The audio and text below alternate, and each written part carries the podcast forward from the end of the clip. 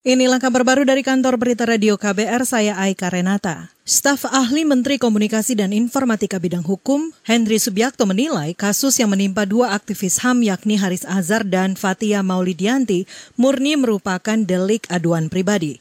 Kasus itu dilaporkan Menko Maritim dan Investasi Luhut Binsar Panjaitan.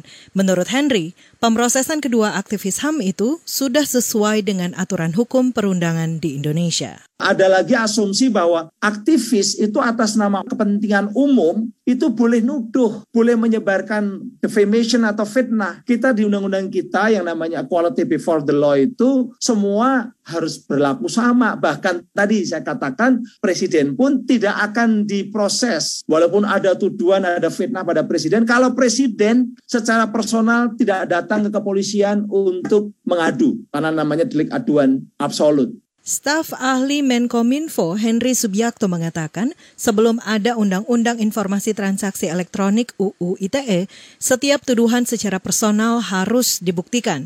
Ia menegaskan aturan hukum di Indonesia tidak pandang bulu terhadap siapa pun. Haris dan Fatia ditetapkan sebagai tersangka pencemaran nama baik terhadap Menko Luhut.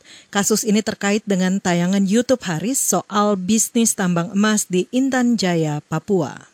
Kita beralih, PLN Persero akan mengkonversi pembangkit listrik tenaga diesel PLTD di 180-an lokasi menjadi pembangkit listrik tenaga surya dan Battery Energy Storage System. Untuk tahap awal, konversi energi akan menghasilkan 200-an megawatt.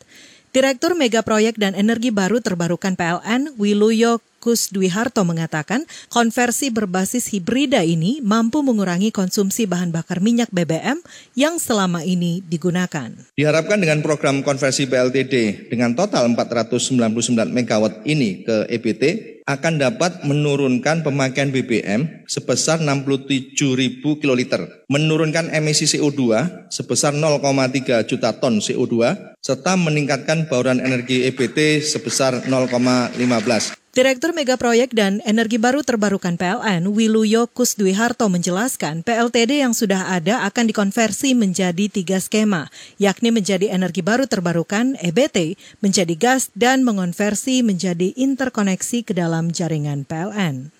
Satu informasi lain, Badan Kependudukan dan Keluarga Berencana Nasional BKKBN menyebut Kabupaten Timor Tengah Selatan TTS NTT merupakan daerah dengan prevalensi balita stunting tertinggi di Indonesia.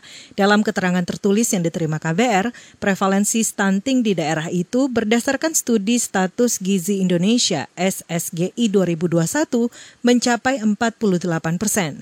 Selain menduduki peringkat tertinggi, Kabupaten Timor Tengah Selatan bahkan melampaui dua kali lipat angka toleransi prevalensi stunting yang dikeluarkan oleh Badan Kesehatan Dunia WHO. WHO hanya memberi toleransi angka prevalensi balita stunting sebesar 20 persen. Demikian kabar baru dari kantor berita radio KBR, saya Aika Renata.